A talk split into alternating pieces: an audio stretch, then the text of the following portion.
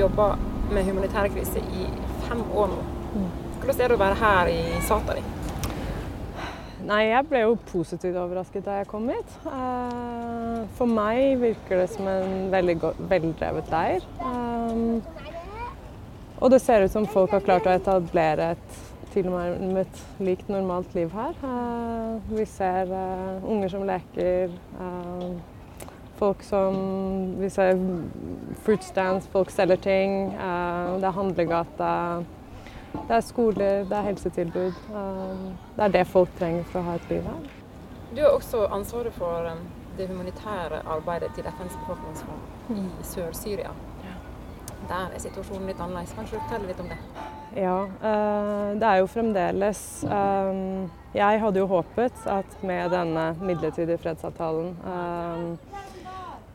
at, man skulle at vi skulle få bedre tilgang um, til, eh, til menneskene som trenger humanitær hjelp inne i Syria. Det har vi fremdeles ikke fått. Eh, Det er fremdeles luftangrep. Eh, Det er fremdeles vanskelig å få, eh, få utstyr over grensen og inn i Syria.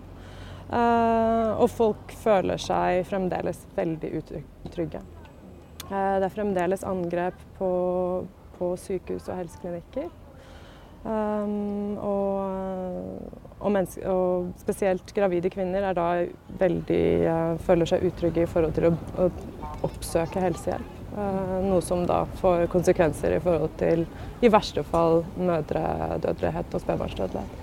Ja, for de er redd for å bli bomba rett og slett mens de er på sykehuset? Ja, eh, de er redd for å mm, Altså helsepersonell føler at de risikerer livet sitt ved å gå på jobb hver dag. Eh, Og, og kvinnene føler at de eh, føler seg i fare når de er på, eh, på klinikken eller på sykehuset.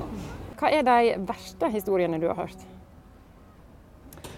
Nei, det er jo historier om, om familier som blir involvert. uh, av um, ja, uh, om det er soldater eller om det er opprørsstyrker. Uh, og gravide kvinner som blir voldtatt. eh, barn som blir utsatt for, for seksuelle overgrep. eh, og det er jo helt forferdelig.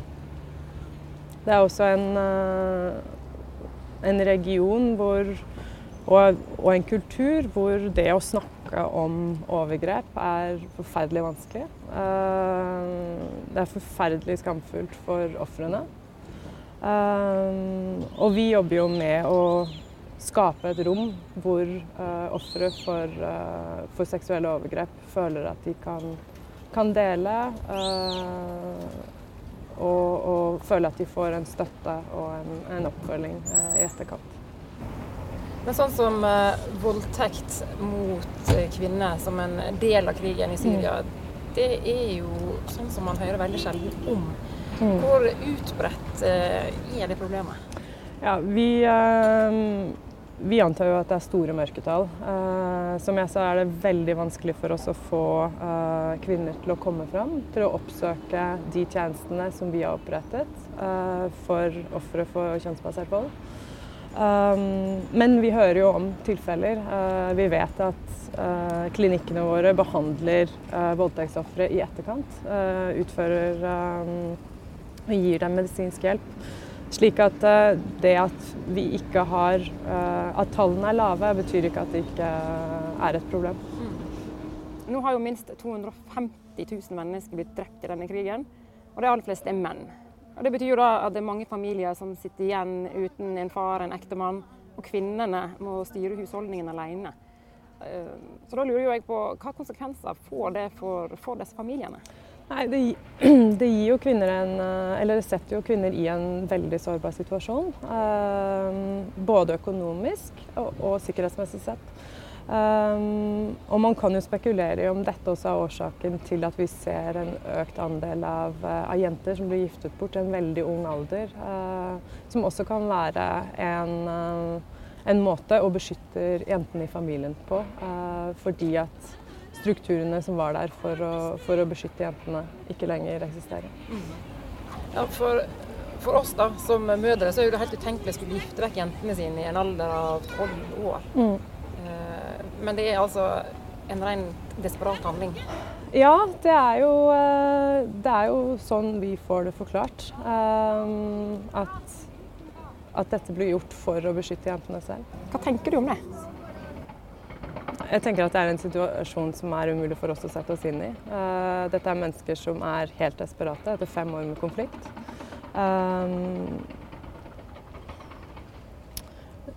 Konsekvensene det får, er også at det øker andelen av, av jenter som blir gravide. Eh, så vi ser jo på våre klinikker at eh, det kommer inn jenter ned i 12-13-årsalderen som er gravide. Um, og dette vet vi jo at får, uh, kan få svært alvorlige konsekvenser uh, videre i svangerskapet for disse jentene. Og Vi ser jo også at her i Satari, i flyktningmiljøene utenfor Syria, så er det òg mange flere tilfeller av barnebruder nå enn det var før. Mm. Hva sier det om forholdene flyktningene lever i utenfor Syria?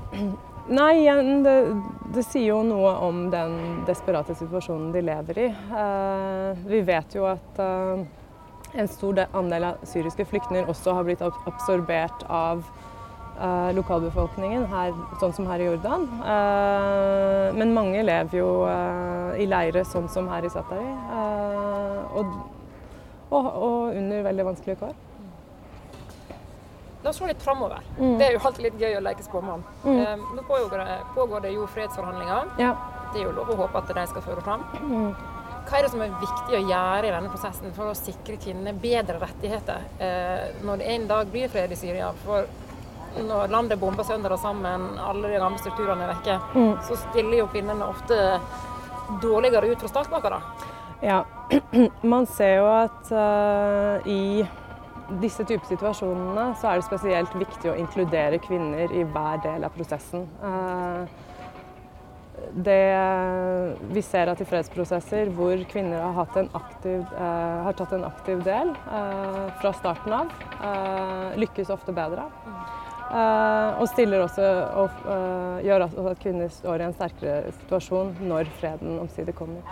Uh, humanitært sett så jobber jo vi i FN ut ifra flere forskjellige scenarioer nå. det er vanskelig å se for seg etter fem år at freden vil komme i morgen. Men, men, en dag vil den jo komme. Men vi må forholde oss til situasjonen sånn som den er nå. og den, den er fremdeles veldig desperat. Uh, vi forbereder oss også på at det kan være at, det, at voldshandlingene kan, kan uh, øke. Uh, og at vi kan, kan komme flere flyktninger hit til Jordan. Men du sa da, det blir jo veldig ofte fokusert på negative ting under en krig. Mm. Naturlig nok, for så vidt. Men det skjer jo også små lysglimt i hverdagen. Kan ikke du fortelle en historie som gjorde deg glad? Uh, jo, uh, da jeg var uh, Første gangen jeg kom hit til Suttery, så besøkte jeg et ungdomssenter som, som FNs befolkningsfond støtter. og det, noe av det som skjer på det ungdomssenteret, er at jenter kom, som kommer dit etter skolen, kommer for å spille fotball. Så da fikk vi lov til å bli, ble vi sluppet inn på fotballbanen. og tok av oss skoene, og så var det å løpe ut på banen og, og bli med på kampen.